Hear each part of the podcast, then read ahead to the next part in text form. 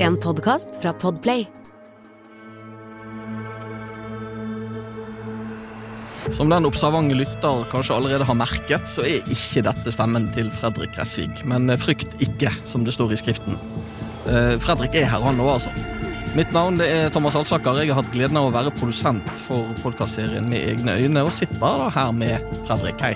Hei. Og vi har bestemt oss for å lage en aldri så liten bonusepisode der vi oppsummerer litt uh, dette prosjektet. Kommer med noen blikk in behind the scenes og forhåpentligvis uh, Du har jo virkelig gravd i minnebøkene her, Fredrik. Ja, Det er ikke alltid det er så lurt, vet du. Nei, Hvilken effekt Nei, nei, har egentlig det hatt på deg? Jeg har gravd i, bokstavelig talt gravd i bøker. Jeg har skrevet noen bøker. Eh, Så jeg jeg har bladd gjennom de litt. Og, og så har jeg gått gjennom gamle notatblokker. Jeg har eh, noen hundre liggende. Eh, Men jeg har heldigvis skrevet på utsiden når de er fra, hvor de er fra, og sånne ting. Og um, da har jeg hentet fram episoder som enten har fortrengt, eller rett og slett bare glemt. For jeg har følelsen av minnebanken min på et eller annet tidspunkt uh, har vært full, og så har hukommelsen vært litt selektiv her, så den har kastet vekk det den ikke trenger, eller tror den eller hodet mitt har kastet vekk den det ikke, det ikke tror det trenger å tenke så mye på lenger.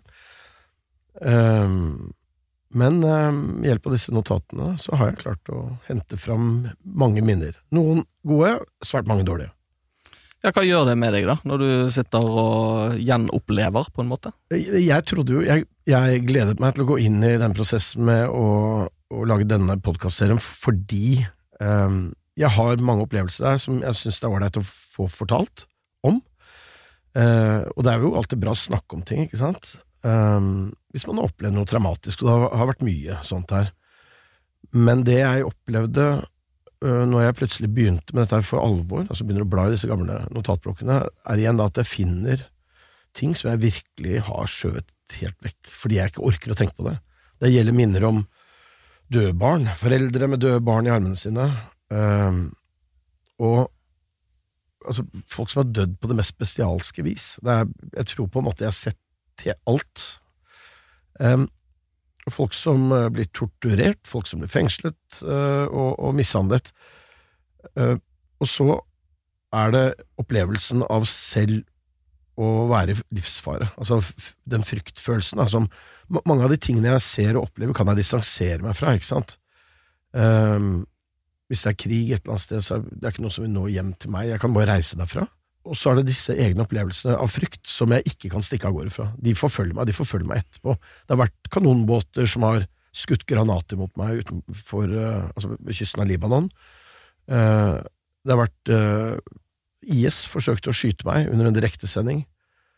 Kulene kom utrolig nærme, og det er en del sånne opplevelser med eksplosjoner, terrorangrep på hotell jeg bodde på, angrep mot kolonnen jeg sitter, sitter i, forsøk på å treffe biler i kolonnen, og hvis de hadde truffet, så, så hadde vi vært ferdig. Um, denne fryktfølelsen, den, den uh, har vært plagsom, og den er ganske vond. En, en, deler av dette er ganske vondt også å hente opp igjen. Ja, Hvordan er det plagsomt for deg eh, i 2023? Nei, altså jeg, jeg har en Etter Gaza-krigen i 2012 så kom jeg hjem, og så våknet jeg hver natt øh, de neste dagene og ukene av en stor eksplosjon i Bergen, som jeg da bodde i. Eh, og det var selvfølgelig ikke noe eksplosjon, men det var eh, minne om eh, lyder og, og følelser som, som det tok litt tid å bli kvitt. Jeg gikk til psykolog, og han sa vi vet jo hvorfor, så er, vi trenger liksom ikke å leite etter årsaken her. Men, men så er det sånn at dette, dette må jo forsvinne, jeg kan ikke våkne hver natt resten av livet av eksplosjoner som ikke er der. Så han det går gradvis over, antageligvis, ikke sant? Um, så bare la det være der, og, og så kommer du tilbake igjen hvis det ikke forsvinner. Det forsvinner jo. Men, men jeg klarer å gjenskape, og det er det jeg har gjort da, når jeg skal fortelle om dette igjen, så må jeg jo først for meg selv gjenskape den følelsen jeg hadde når jeg var i den, eh, eller de forskjellige farlige situasjonene, og det har vært eh, en reise i ubehagelige følelser, fordi jeg, jeg føler på den redselen igjen, altså frykten for å dø, da, som er, som er vond, og jeg føler for den eh, avmakten jeg har følt når jeg ser andre blir utsatt for ekstrem vold, eh, som jeg har vært vitne til, men jeg har som journalist ikke hatt mulighet til å gå og blande meg inn, eh, fordi det vil sette mitt liv i fare også. Det er jo ikke min oppgave å, å fly rundt og stanse kriger eller overgrep. Selvfølgelig vil jeg gjøre det jeg kan for å, å hjelpe andre, hvis det, hvis det er noe jeg kan gjøre. Men, Men- men du sier at det, det, det kan være ubehagelig å, å tenke tilbake på. Man har også noen av disse historiene hatt en slags terapeutisk effekt da, med å dykke inn igjen, eller? Ja, eh, på en måte. Altså, det er jo alltid godt å få fortalt det til andre. Det syns jeg er fint. Og det er jo det vi gjør. Eh, folk spør liksom hvordan blir du debrifet etter jobb og sånne ting. Når du har vært ute på oppdrag i, i krigssoner, så er det jo sånn at eh, som journalist så er du litt heldigere enn f.eks. hjelpearbeidere, som ofte er i de samme områdene og ser og opplever mye av de samme tingene, samme frykten. De ser maltrakterte mennesker og, og hjem og liv. Mens de da bare må fortsette å jobbe og har et debrief-opplegg, selvfølgelig, så er jo liksom, vår jobb er jo å formidle dette. Så veldig ofte når jeg og fotograf har vært ute i felt sammen i en krigssone, så setter vi oss som vanlig, vanligvis da, så setter vi oss ned på ettermiddagen, kvelden, og klipper en sak. ikke sant? Redigerer en sak, så da går vi gjennom dagens opplevelser. Snakker om det først, og så, så, så forteller vi om det, og så sender vi det ut til det norske folk. ikke sant? Så det er noen hundre tusen mennesker kanskje som får, som får være med på denne debrifen. Og det er jo en, sånn sett en god følelse, og da føler du jo at det er viktig, at det er riktig at man, man er til stede og, og dokumenterer. Samtidig, Fredrik, du har jo vært helt åpen om at du anser deg nå som ferdig med reising til krigsområder og katastroferammede områder. Hvorfor det? Jo, jeg, jeg dro til USA i 2017 som korrespondent, og da var det sånn at vi frykta litt, både jeg og sjefen min, at det ville bli litt kjedelig for meg. Men øh, jeg kom jo da midt inn i Donald Trumps øh, presidenttid. Fikk noe å gjøre, ja. Fikk nok å gjøre, så ikke noe kjedelig der i det hele tatt. Og jeg hadde mer enn nok å henge fingrene i. Og jeg, jeg fikk det samme adrenalinrushet der, fordi det var, ikke sant, det skjedde ting hele tiden. Um, men det jeg opplevde etter et år eller to, det var jo at den bagen med førstehjelpsutstyr, skuddsikker vest og hjelm og satellittelefon og sånn, som alltid hadde stått klar, med en gang i uka så pleide jeg å lade telefonen sånn at alt var klart til å rykke på kort varsel. Eh, Den bagen havna lenger og lenger inn i kott i leiligheten min i Washington, og på et eller annet tidspunkt så kjente jeg at jeg hadde tatt av meg eh, Det kjentes som om jeg hadde tatt av meg en jævlig tung ryggsekk. Og det var jo den bagen, egentlig. ikke sant? Det å, å, å ikke gå rundt og frykte og tenke på hele tiden at du må være klar til å reise ut i en krig på kort varsel. Og da tenkte jeg at dette her må jeg slutte med. Dette er ikke bra. Eh, og så er det jo folk som har sagt til meg også, at, eh, spurt hvor lenge har du vært i krigen til sammen, og jeg har kommet til at det har vært eh, flere år, hvis du legger sammen den tiden jeg var i, ute i krigen for Forsvaret, da, først, tidlig på 90-tallet, og seinere for TV 2 i løpet av disse årene, så har det vært flere år i krigssoner, og det har vært, det har vært for mye. Eh, Ja, For der er det jo faktisk regler, for eksempel for personell i det norske forsvaret, hvor lenge man skal oppholde seg i si, de mest kritiske situasjoner og plasser. Ja, og nå er det sånn at vi har kortere reiser ut vanligvis, og så kommer vi hjem igjen, så, så vi er ikke så lenge ute av gangen som det jeg var da jeg var ett år i, i, ja, i Libanon for Forsvaret, men det er jo sånn at man eh, reiser ut om igjen og om igjen, og så blir det mye, og det er den derre høye beredskapen du hele tiden må befinne deg ikke sant. Du må være på alerten. Eh, du kan ikke senke garden hvis du er i krigsområdet. Du må, du må følge med på hva som skjer rundt deg, fordi plutselig så, så kan det være et eller annet som rammer deg, eller du, må, du ser etter farer, og, eh, og det er jo no, en nødvendighet, men, eh, men det er også utrolig krevende. Altså det, det krever mye av psyken å gjøre det over svært lang tid. Det er mange kolleger som har gjort det. Veldig mange kolleger som også går dukken i denne prosessen, ikke sant, som enten havner på fylla, og begynner med stoff. Jeg har møtt kolleger som, som virkelig har slitt i, i lang tid. Det kan være andre ting som gjør det, selvfølgelig, men eh, det å være ute i krigsområder det bidrar i hvert fall til å, å trette ut psyken, sånn at man kanskje av og til har lyst til å finne en annen måte å rømme litt vekk fra livet på. Så det jeg kom fram til da, var at jeg hadde lyst til å slutte å reise til krigsområder. Slutte å utsette meg både for fare og for den eh, påkjenningen der å være i sånne områder. Og så har jeg da også etter 30 år i utenrikstjeneste blitt utrolig lei hotellrom. Spesielt dårlige hotellrom, for det er stort sett det det går, eller vanlige hotellrom. Og istedenfor å prioritere et normalt liv hjemme, så har jeg reist, og nå tenker jeg det er på høy tid å snu om på dette her, og, og leve et godt og bedre liv. Eh, og så langt, må jeg si, det er et år siden jeg kom hjem fra USA, så har jeg ikke hatt så veldig stor utfartstrang. Men er det sånn da at hvis Fredrik da først reiser på ferie, så må han ha suite nå? For at det skal være litt spesielt? Nei, det går fint. Uh, når man betaler sjøl, så er ikke det så viktig. men, uh, men uh, nei, det har, det har, blitt noen hotelldøgn, og, og, det er også et? Det er liv som er Det er mange som lever sånn, men det er et liv som er ganske også på mange måter slitsomt. ikke sant? Det også, når arbeidsdagen er over, så er du ikke noe Altså, du er fortsatt på jobb, på en måte. Du er, du, du er ikke hjemme, du får ikke gjort noe annet enn å spise eller uh, trene. da. Det er jo ett navn som nevnes oftere enn noe annet i denne podserien. Eh, det er faktisk Åge Aune. Ja. Han er TV 2-fotograf, har vært med på veldig mange av de reisene dine. Hva kan du si om han? Nei, han er jo, eh, det er jo en grunn til at han har vært med på mange av disse reisene. Vi reiste første vi dekket sammen Jeg begynte i TV 2 i 94. I 2000, når den andre intifadaen brøt ut i høsten 2000, andre intifadaen brøt ut i de palestinske områdene, Eh, så hadde jeg inntil da så hadde jeg stort sett brukt lokale fotografer. Men da ble det utrolig komplisert å ha en palestinsk eller en israelsk fotograf.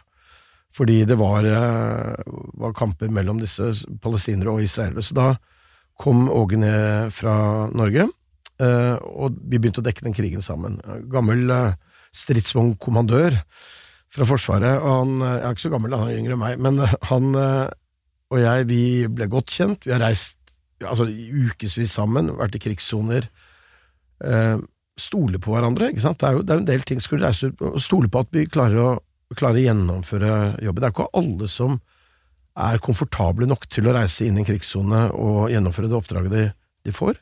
Noen gjør det en eller to ganger og sier det her er ikke noe for meg. Åge har alltid følt at jeg kan stole på. Jeg har reist med masse andre gode TV 2-fotografer også, men, men Åge og jeg vi har reist på utrolig mye sammen, og så har vi opplevd mye sammen og delt uh, en del veldig dårlige inntrykk. Og noen flasker godvin når det har uh, latt seg høre. Uh, ofte på vei hjem fra en krigssone. Altså, alkohol og krig hører dårlig sammen. Men på vei hjem fra Irak eller Afghanistan, på gjerne reiser som har vart i, i lang tid, så har vi funnet steder å stoppe og mellomlande. Og, fordi vi da har bodd i hver vår by i Norge og trenger den ene siste sånn, avslutningen av oppholdet, og, og en, en siste debrief sammen. Det er kanskje en trygghet også i å ha en kollega med seg på disse reisene? Ja da, jeg har reist mye alene òg, men det å ha en uh, som uh, man kan snakke med, som man kan dele erfaringer med, som man kan også snu seg til i etterkant og snakke om minner med, det, det er en trygghet i. Og så er det en trygghet i at vi begge to har blitt kurset i god førstehjelp og sånne ting, så vi kan hjelpe hverandre hvis, hvis det trengs. Og jeg har jo da hjulpet Åge, for han, noen ganger så har han vært litt klønete. Altså, han har klart å stikke seg i foten med en kniv ved et uhell, og, og ja, nei, Da har vi fått hjelp av andre også, men, men, det har jo vært liksom Ja. Og for en fotograf så tenker jeg det er godt å ha en reporter som står ved siden av og leser situasjonen, fordi fotografen er veldig opptatt av hva som skjer gjennom søkeren. Mm. De er på en måte i sin egen verden. Ja, ja det blir sånn at bokstavelig talt tunnelsyn, så det er greit også å få en som står ved siden av og følger med, og som har litt erfaring. Men du har jo også opplevd det å miste kollegaer. Alle kjenner jo selvfølgelig til Serena Hotell, Karsten Thomassen, som uh, jo også har vært en episode i denne uh, serien. Hvordan har det egentlig vært? Det er tungt. Altså, vi, vi var på Serena Hotell i januar 2008. Eh, vi fulgte utenriksminister Jonas Gahr Støre den gangen da, på, på reise, og så kommer hotellet under angrep bare et par timer etter at vi ankom det. Og da var det litt sånn tilfeldigheten som avgjorde hvem som var hvor. Eh, Karsten Thomassen han sto ved inngangspartiet til hotellet da det kom under angrep. Det var to menn som angrep, kasta håndgranater mot vaktene på hotellet og løp skjøtende, skytende mot inngangsdøren. Den ene klarte å komme seg inn på hotellet og skjøt Karsten. Altså, påførte han flere skuddskader ved to anledninger. Han, kom, han, løp litt rundt og kom tilbake igjen. og Han gjorde det samme flere, altså skjøt mot folk som allerede var skutt og lå nede om, i live. Um, Åge og jeg kom sammen med andre kolleger ganske fort til Karsten. Uh, og en annen nordmann som var skutt. Bjørn Sennungsen fra Utenriksdepartementet begynte med førstehjelp, um, men Karstens liv sto ikke til å redde. Han ble fraktet fortsatt i live fra oss og til et uh, militært feltsykehus i utkanten av Kabul, av norske soldater og norske helsepersonell, men på dette tsjekkiske feltsykehuset så ble han erklært død. Uh, massivt blodtap. Og det var tungt. Det var tungt å få beskjeden om at han var død. Det var utenriksminister Jonas Gahr Støre som da ga oss denne beskjeden når, når, vi kom oss ut til flyplassen, og han fikk den først og formidlet det videre til oss.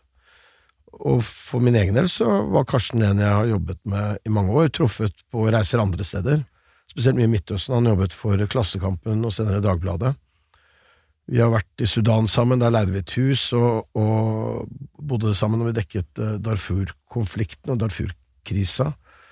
Og det å liksom være der, eh, ta imot beskjeden, det å være den som følger, eller en av de som følger kisten hjem, se barna hans og samboeren ta imot kisten med, med en død pappa i, eh, en død journalist. Eh, det var tungt, ekstremt tungt, uh, å være med på, og det er også vanskelig når jeg på det tidspunktet var småbarnsfar selv, og så forklarer min datter, som til da hadde trodd at de reisene jeg foretok, selv om hun skjønte at det var til krigsområder, trodde at det var trygt for meg. ikke sant? Da og det hadde vel du sikkert sagt hjemme? Ja. Selvfølgelig har vi sagt det, vi har løyet til henne. Så da, eh, da kom det jo for en dag vi måtte, liksom, måtte realitetsorientere henne på en annen måte. om at jeg, Da måtte jeg love å være forsiktig, så ikke noe skjedde. Nå skal jeg være så indiskré, jeg lovet jo litt behind the scenes her, Fredrik, men uh, under en av episodene vi spilte inn her, det handlet da om uh, Gaza, og uh, du var på et sted der det var krevende å være akkurat da, fordi granatene og rakettene haglet. Og da fikk du en SMS fra din datter, Mm. Som du da også fortalte om i den podkastepisoden. Men så måtte jeg faktisk stoppe opptaket. Mm. For det, da husket du den situasjonen litt for godt, og var på en måte tilbake. Mm. Og da begynte du rett og slett å, å gråte litt. Ja. Jo, men jeg, jeg gråter. Jeg gråter, jeg, si, jeg gråter, ikke ofte. Men eh, i arbeidet med denne podkasten så har det vært noen tårer. Eh, først å hente fra minnene, men det er, det er tungt, ikke sant? Det er tungt å fortelle om de tingene som har gått inn på meg, og det, eh, det, som skjedde i 2012 i Gaza, det var jo at, eh, at eh, det føltes som det var veldig nære på. Huset ved siden av ble bombet. og jeg hadde hatt en nyhetssending hvor jeg blir beordret av nyhetsanker Arild Riise i, i bomberom. Rett og slett fordi angrepene kom så nære der jeg sto. Og, og så sender datteren min meg en twittermelding som, som jeg leser da etter at nabohuset er bombet, og der står det du må komme deg i sikkerhet, pappa. Det er viktigere at du er i live enn at vi får nyheter.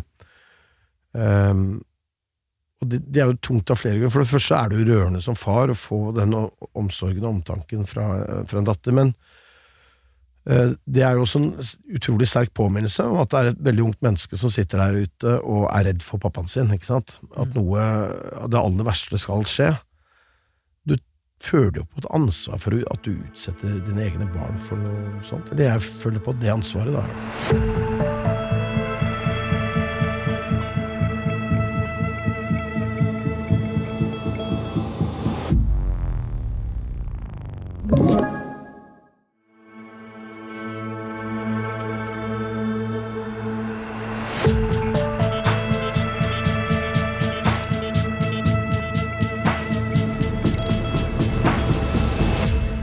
Jeg er jo en av de som når jeg var ung, leste Tintin, eh, drømte om eh, å bli eh, litt som han. Leste Hemingway, hadde litt lyst til å leve den livsstilen. Og så ser man sånn som deg på TV, og så tenker man at du er liksom litt der. Litt Tintin, litt Hemingway, alt dette her. Og så hørte jeg når du begynte å fortelle om legendariske American Colony Hotel i Jerusalem, og stemningen der. Da, da fikk jeg virkelig den feelingen. Kan ikke du fortelle litt om hva som skjer der. Jeg tror ikke man bør etterstrebe det å leve som Hemingway, men I hvert fall ikke dø som han. Nei, ikke, nei. Men han hadde eh, Nei, altså Han opplevde jo utrolig mye. Han var jo ikke sant, reiste rundt som, som, journalist han og så så mye og, og fortalte så levende fra krigen. Men, eh, men, det gikk noen flasker med forskjellige drikkevarer underveis der. Men um, American Colony Hotel er vel kanskje det hotellet jeg har bodd mest på ute i verden. Det er altså et hotell i Øst-Jerusalem, i den da annekterte delen av byen, altså den delen av byen som israelerne har annektert og gjort til sin.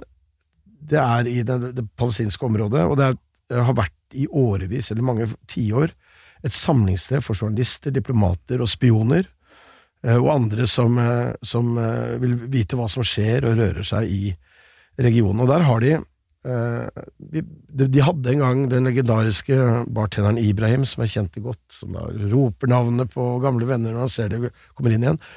Han laget, uh, var ikke så veldig god til å mikse drinker, for han var muslim og hadde aldri rørt en dråpe alkohol. Uh, og så hadde han en sånn idé om at jo bedre stamkunde du var, jo mindre blandevann og mer sprit skulle være i drinken, så de blei litt sånn udrikkelige etter hvert. Men han drev da denne baren i kjelleren på hotellet, utebar om sommeren i hagen og kjellerbar om vinteren.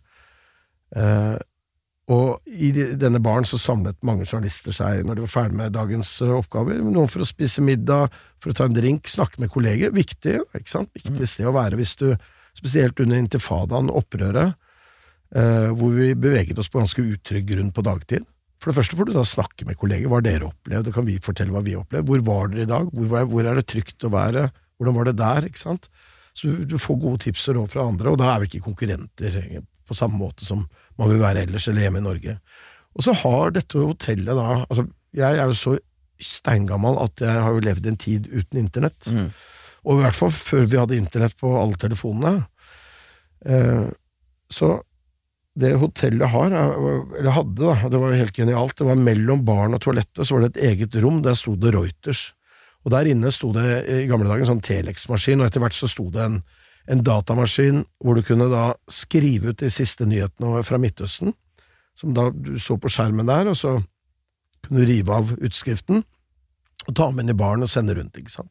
Så der tikket nyhetene inn, eh, inn til oss via det, dette, dette, systemet, og det, det, at de hadde det ved siden av barn, var selvfølgelig genialt, og det var da plutselig også det eneste stedet du kunne være, og du, du så jo plutselig hvis, hvis, noen team plutselig reiste opp og dro av gårde, så er det sånn, hva skjer nå, ikke sant? Mm. Så fint sted å følge med på hva som skjedde. Og så kom jo da informanter, de som ville snakke med pressen. De som hadde en sak de ville selge inn til oss. ikke sant? De kom og sa du, vi, vi, har noe som du kanskje er interessert i å snakke med. Så der har jeg, via kontakter på kjellerbaren på American Colony, så har jeg truffet uh, folk som har satt meg i kontakt med ledelsen i Hamas og islamsk eller krig, og også med israelske regjeringsmedlemmer. Fascinerende. Ja. Du, eh, du, har møtt ufattelig mye folk. Hvilke av disse kildene som du har møtt i hopetall, har gjort sterkest inntrykk på deg?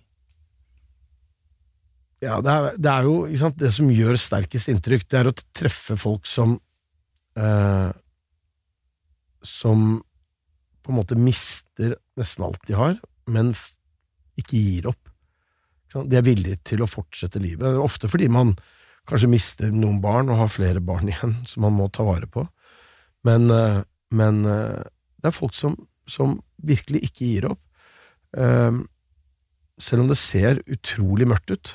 Og jeg fatter ikke Igjen går til Gaza, forferdelig område, fordi eh, folk har ikke noe å leve av. Altså, de lever i prinsippet av nødhjelp fra verden eh, utenfor.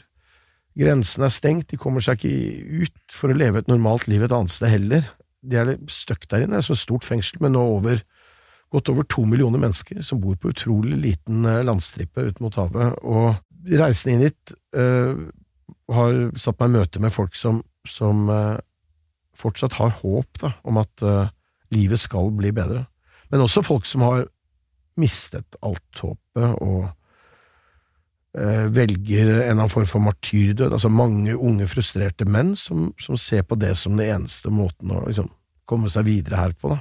Altså komme til paradiset ved å begå martyrdøden, hvis de kan det, altså som krigere for en av disse islamistgruppene. Men det slår meg at det har gjort mest inntrykk på deg å møte det vi kan kalle for vanlige folk, mer enn uh, statsledere i dress og slips? Nei, ja, men jeg har, jeg har, jo blitt starstruck, ikke sant. Jeg, eh, jeg har jo møtt jeg, jeg, Første året jeg jobba i TV 2, eller jeg jobbet TV 2 et år, så satt jeg plutselig hjemme og spiste lunsj hos uh, Israels statsminister Yitzhak Rabin på en sabbat eller drakk kaffe og spiste småkaker. Og det, det, er jo helt absurd, ikke sant. Jeg, jeg møtte Arafat uh, etter å ha jobbet et år i TV 2, med Yasser Arafat på et fly. Altså Vi flyr sammen. Jeg flyr med den norske utenriksministeren til Tunis, hvor han levde i eksil. Og så flyr vi sammen uh, til, uh, til Kairo, hvor han skulle ha et forhandlingsmøte med israelerne. Og så får jeg intervjua han om bord. Jeg har intervjuet Arafat en rekke ganger. det var litt sånn i Midtøsten en stund så var det å være norsk journalist, da kom du liksom foran i køen. Pluss at vi hadde jo diplomater der som hjalp oss. ikke sant? Mona Juel og Terje Larsen som holdt på med, med denne Oslo-kanalen, altså fredsprosessen mellom Israel og Palestina. Så det var jo folk som kunne trekke i trådene for oss. Og så har jeg vært altså, der jeg har fått størst sånn derre virkelig blitt starstruck, det er jo, det er jo når jeg gikk inn på det ovale kontor første gang. Um, jeg har vært der fem ganger, med Donald Trump som president. Men det er altså ikke Donald Trump som gjorde meg starstruck, det var Rommet i seg selv, liksom. Og det er ikke store rommet. Nei, ja, å, nei det, altså, det er det du ser. Det er noe, et par sofaer og en peis. Og? Nei, det er ikke så stort. Eh, og det er plass til veldig få journalister. Veldig få som kommer inn der. De pleier å slippe inn noen fotografer.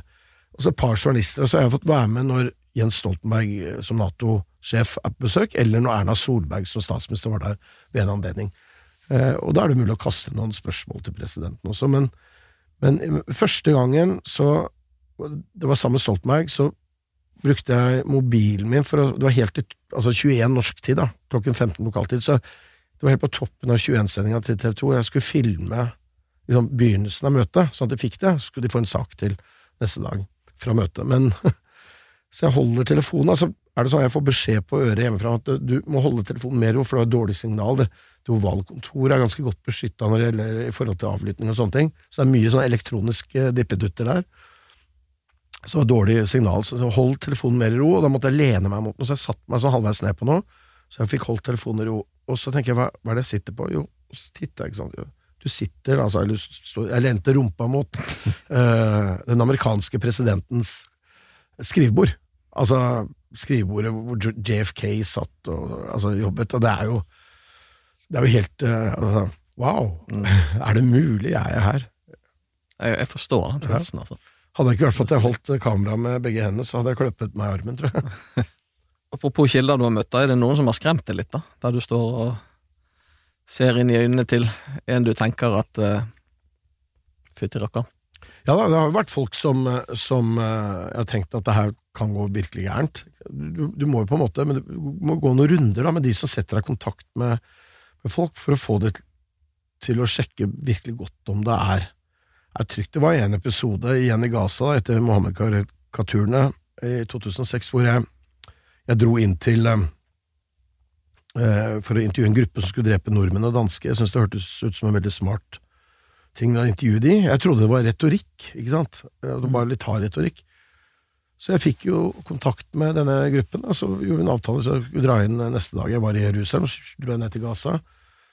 Og så er det en kollega av meg som, som ringer meg i siste sekund, fordi da har man altså fått Da har flere lokale fotografer fått beskjed om at de må komme til en, et spesielt sted i, i Rafa, i, helt sør på Gazastripen, for der skulle det skje et eller annet spektakulært. Og det var der jeg skulle møte dem. Og, og så ringer han kompisen meg, han, så sier han at uh, palestinere fra Gaza by, så sier han Fredrik, er du i Gaza? Ja. Hvor er du? Jeg er i Rafa.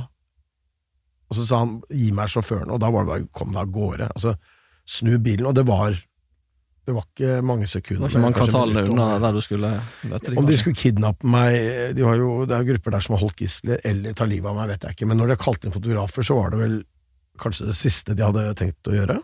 Altså ta livet av meg. Jeg vet ikke. Nå skal det sies også at Senere samme kveld fikk jeg kontakt med en annen gruppe som også var utrolig irritert eh, over disse, eller forbanna over eh, disse Mohammed-karikaturene. Så da dro jeg for å intervjue de. Men de hadde jo ikke den samme harde retorikken, men der var det også litt sånn Det var et sånn dodgy område av, eh, av Gaza og Gaza by. Og inn, eh, inn på et rom, og det væpna menn som står der, ikke sant. Det er mørkt ute, og det var et rom hvor de da la håndgranater og ammunisjon og Kalasjnikov på bordet for at det skulle se farlig ut, og hang opp sånn svart uh, flagg og ja. Så ja. Du har jo vært på mye rare steder, og vi var jo litt innom at du er lei av hotellrom, men hva er det rareste, verste stedet du har måttet uh, overnatte? Jeg har sovet i skyttergrav. Altså, jeg har gravd en grop i Afghanistan og sovet i den. Uh, jeg har vært sammen med norske soldater. Eh, og så sovet i skyttergraver i, ja, i Afghanistan, altså sammen med danske soldater og eh, Nå prøver jeg, nå skanner jeg hjernen godt her da, for å finne liksom, det rareste stedet jeg har vært, men eh, jo, selvfølgelig, eh, i Kongo. Da var jeg på tur sammen med fotograf Frode Hoff, og vi eh, vi hadde vært eh, i det området hvor Kjostolv Moland og Joshua French ble pågrepet i jungelen, og hvor de hadde vært på flukt i jungelen. Kjostolv Moland var på flukt alene flere dager. Eh, og på vei tilbake så ble det mørkt, og vi mistet lysene på den ene bilen vår. Vi hadde to biler. Jeg var sammen med en Aftenposten-kollega og advokaten til Moland og French, og noen politimenn som vi hadde leid med oss med Kalasjnikov, som skulle beskytte oss mot landeveisrøvere. Og så, så gikk vi eh, Hadde vi ikke lys på den ene bilen, så vi måtte rett og slett bare stoppe i en liten by som het, eh, den het Baffa Sende. Eh, og det er helt mørkt, ikke sant? det er nesten ikke strøm i disse byene. Og vi kommer til hotell, og han hadde da tre ledige rom. han skulle ha én dollar per rom. Det. Og så hadde jeg bare Jeg hadde ikke én dollar, jeg hadde bare en femdollarseddel. altså 50 kroner, det, det var mindre da. Så sa, sa, sa, han jeg har ikke veksel, sa han, og så smilte han, ikke sant. Han, følte, så han, så, han så ut som han hadde lurt meg. Men de to dollarene var ikke så farlige. Satte den opp regning uansett, da. Men da fikk vi altså et rom som da kostet én dollar. Og dessverre måtte Frode Hoff og jeg dele en seng, og det var den smaleste senga jeg ligget, i hvert fall sammen med noen andre i. Men vi fant, vi fant, noe ut av det. Men det var et hotell hvor myggnettingen over senga var sånn Du så det var blodflekker på det. Det føltes utrolig ubehagelig. Og det var Vi var på malariamedisin, som kan gjøre noen av være litt sånn uh, smågal i utgangspunktet og paranoid, men uh, her var det Så når, det var bryllup i denne landsbyen, så vi hørte jo, hørte jo folk som skrek og festet et eller annet sted langt borte, og så kom det bryllupsfølge nærmere, nærmere og nærmere hotellet, og da er det trommer, av sånne afrikanske trommer. Så det føltes som ja, føltes, som et utrygt sted å være. Men vi kom nå fra det òg. Ja. Og så husker jeg Jeg tenkte nemlig å spørre deg hva er det verste du har spist, og i en av episodene så snakker du jo om eh, delikatessen ekorn. Som du fikk servert. Ja, jeg, Hvor var det henne? Det var i Burma, eller Myanmar. I jungelen der. Vi, vi laget en uh, matserie uh, for TV 2. Tom Viktor Gausdal, uh, kokken Tom Viktor mm. Gausdal og jeg reiste rundt i, i krigssoner. Til bords med fienden, het den her. Og så prøvde vi å få fiender til å sitte sammen og, og ha et måltid. Og underveis så skulle vi fortelle om konflikten, og vi skulle se på forskjellige matretter de spiste. og Det er litt om det matkulturen i de landene var i. Um, og i jungelen i Burma da, så fikk vi uh, en stuing med ekorn og villkatt. Jeg vet ikke hvordan det er med deg, men jeg, jeg har aldri hatt noe sånt behov for, stort behov for å spise verken ekorn eller katt. Men jeg hadde jo en fiks idé da, med at katt, nei, ekorn kanskje smakte best. Mm. Um, så jeg tok liksom Passet på å ta mest ekorn på tallerkenen. uh, men det smakte helt grusomt. Det var en sånn skikkelig ram smak. Og den katten katten, fordi det er villkatt, så smaker den jo rett og slett salmiakk eller urin. da. Det er heller ikke noe særlig god smak. Og når da liksom, du fikk en klatt ris ved siden av, og ut av den risen så krøp det små maur. Det, det, det er jo ikke så ille, da. Men det er, det er proteiner, i det minste. proteiner, i det minste, ja. Men ellers så har jeg spist. altså Jeg har jo sittet på markedet i, i, i Thailand og spist uh, kakerlakker som er liksom med chili og ingefær og, og, hvitløk. Og det er jo god snacks. da. Hvis du har drukket et par øl først, så er det god snacks. ja, riktig. Det knaser i hvert fall. Ja, huff. Eh, Fredrik Hesvik, eh, det har i hvert fall vært en fryd å høre dine historier og dine fortellinger. Dette her med at noen faktisk er ute og ser ting da med egne øyne, hvorfor er det så viktig? Nei, jeg, jeg, har jo eh, vært nødt til å forsvare overfor venner og familie hvorfor jeg holder på med dette her, ikke minst datteren min. Så jeg har jo gått gjennom den tanken mange ganger. Det er selvfølgelig viktig at vi vet hva som skjer ute. Vi ser nå krigen i Ukraina. Det er ekstremt viktig at vi får vite hva Russlands overfall på naboland medfører av smerte og lidelse for de som blir overfalt, for de soldatene som utkjemper den krigen. Altså Jo flest sider av en konflikt må må man opplyses om, og rett og slett fordi man også skal forstå nødvendigheten av at man må drive diplomati og fredsarbeid og unngå for enhver pris å havne i en eller annen form for væpnet konflikt med, eh, med andre. Og så er det historier som Jeg har jo dekket noen få historier hjemme som kanskje viser det enda mer, og som også har vært tyngre enn mange av de utenlandsreisende. Det er altså, to historier som omhandler nordmenn, og det ene var tsunamien da, i Sørøst-Asia i, eh, i 2005 og det andre var Utøya i 2011, som er en av de få innenrikssakene jeg har dekket. Og da skjønner man jo altså, det store informasjonsbehovet som er hjemme under begge disse sakene. Enormt informasjonsbehov. Så det å kunne bidra til å dekke det informasjonsbehovet for et land i sorg, for eksempel, det er jo utrolig eh, Det føles utrolig fint. Det føles som man gjør noe, noe viktig, og noe som folk trenger. Men litt godt likevel å være hjemme og bry seg med Jonas Gahr Støre og Erna Solberg og Ja, litt mer ufarlige debatter. ja, nå håper jeg at det er det jeg skal drive med. Det er i hvert fall det som er planen min. Og jeg, eh, jeg er fortsatt komfortabel med, med den avgjørelsen. Sjefene mine var veldig skeptiske til om jeg ville klare å holde meg i ro. Um, fordi jeg har reist så mye. Og for, det er bare noen få år tilbake, så ble jeg jo sint hvis jeg ikke får lov å være med på det. ikke sant? Mm. Så ser, sånn som nå har det vært eh, krig i Ukraina, og ikke på noe tidspunkt har jeg følt et sånt stort behov for å ville dra ut dit og gjøre det. Jeg hadde nok dratt hvis jeg hadde blitt bedt om det, kanskje, men, men det er ikke noe sånt jeg har lyst til å drive med lenger. Jeg har lyst til å, lyst til å leve et normalt liv, og så tenker jeg at jeg ikke skal påføre meg flere unødvendige ekstremopplevelser enn det jeg allerede har gjort. Denne podserien har jo fått veldig mange eh, lyttere. Eh, har du fått noen tilbakemeldinger på historiene dine eh, etter at eh, episoden har kommet ut? Veldig mange, og det er jo veldig mange som, som eh, stopper meg på gata og sier at de har hørt på, og sier at, at De takker meg for at jeg har gjort det, takker meg for at jeg har reist rundt og opplevd ting. Og så spør jo veldig mange ikke sant, om hvordan klarer du hvordan takler du det, og hvordan blir du tatt vare på av TV 2 ikke sant, etter at at du har eh, gjennomført disse reisene. Så, så det er i hvert fall sånn at det skaper interesse hos folk, og det syns jeg er fint. Og i tillegg så, til at det handler om meg, da, så får vi jo fortalt historier som, eh, som er viktige for historiebøkene. Eh, og det syns jeg er fint. Eh, Og så er det sånn at når jeg har hatt det privilegiet som jeg har hatt, hvor jeg har fått stått og vært vitne til verdenshistorie, som utspiller seg rett foran øynene mine, enten det var bombingen av Bagdad i mars 2003, eller eh, den arabiske våren, eller hva det har vært, så, så er det et eller annet med at eh, som øyenvitne eh, og som utsendt journalist, så er det jo mer tilfredsstillende jo flere plattformer og flere måter du får, får uh, formidlet de inntrykkene og de opplevelsene på. Eh, så det har vært i bok, først i TV-form, og så i bokform, og så har jeg fått lov å gjøre det på podkast også. Det har vært utrolig fint. Bare få lov å skryte litt av Lars Petter Berg, som har lydlagt eh, denne podkastserien. Men likevel, det var, det var kjekt å også prate med deg uten dramatisk musikk og, og den type ting som forsterker historien. Jeg må bare si det at uh, når jeg hørte den, den første fulle episoden jeg hørte med Lars Petters uh, Lyddesign og alt dette, lyddesign på, um, det var fra Serena hotell. Jeg visste jo hva som skulle skje. Jeg, jeg var jo der, jeg jeg som hadde fortalt det. Men når lyden kom på, så var det sånn følelse av at wow, nå kommer det til å skje noe. Ikke sant? Du hører at uh, det kommer til å skje noe galt. Uh, og at jeg selv blir dratt med inn i en sånn altså, Ikke spent, men allikevel sånn undrende på hva er det som er rundt neste sving nå. Så all takk til ham.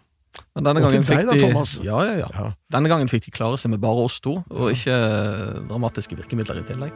Men jeg tror det ble bra, jeg, Fredrik. Takk skal du ha. Takk skal du ha. Fredrik Gressvik med egne øyne er produsert av Bauer Media. Produsent for podkasten er Thomas Alsaker. Lyddesign og musikkomposisjon av Lars Petter Berg. Prosjektleder Øystein Weibel. Hør flere episoder av denne podkasten gratis på podplay.no.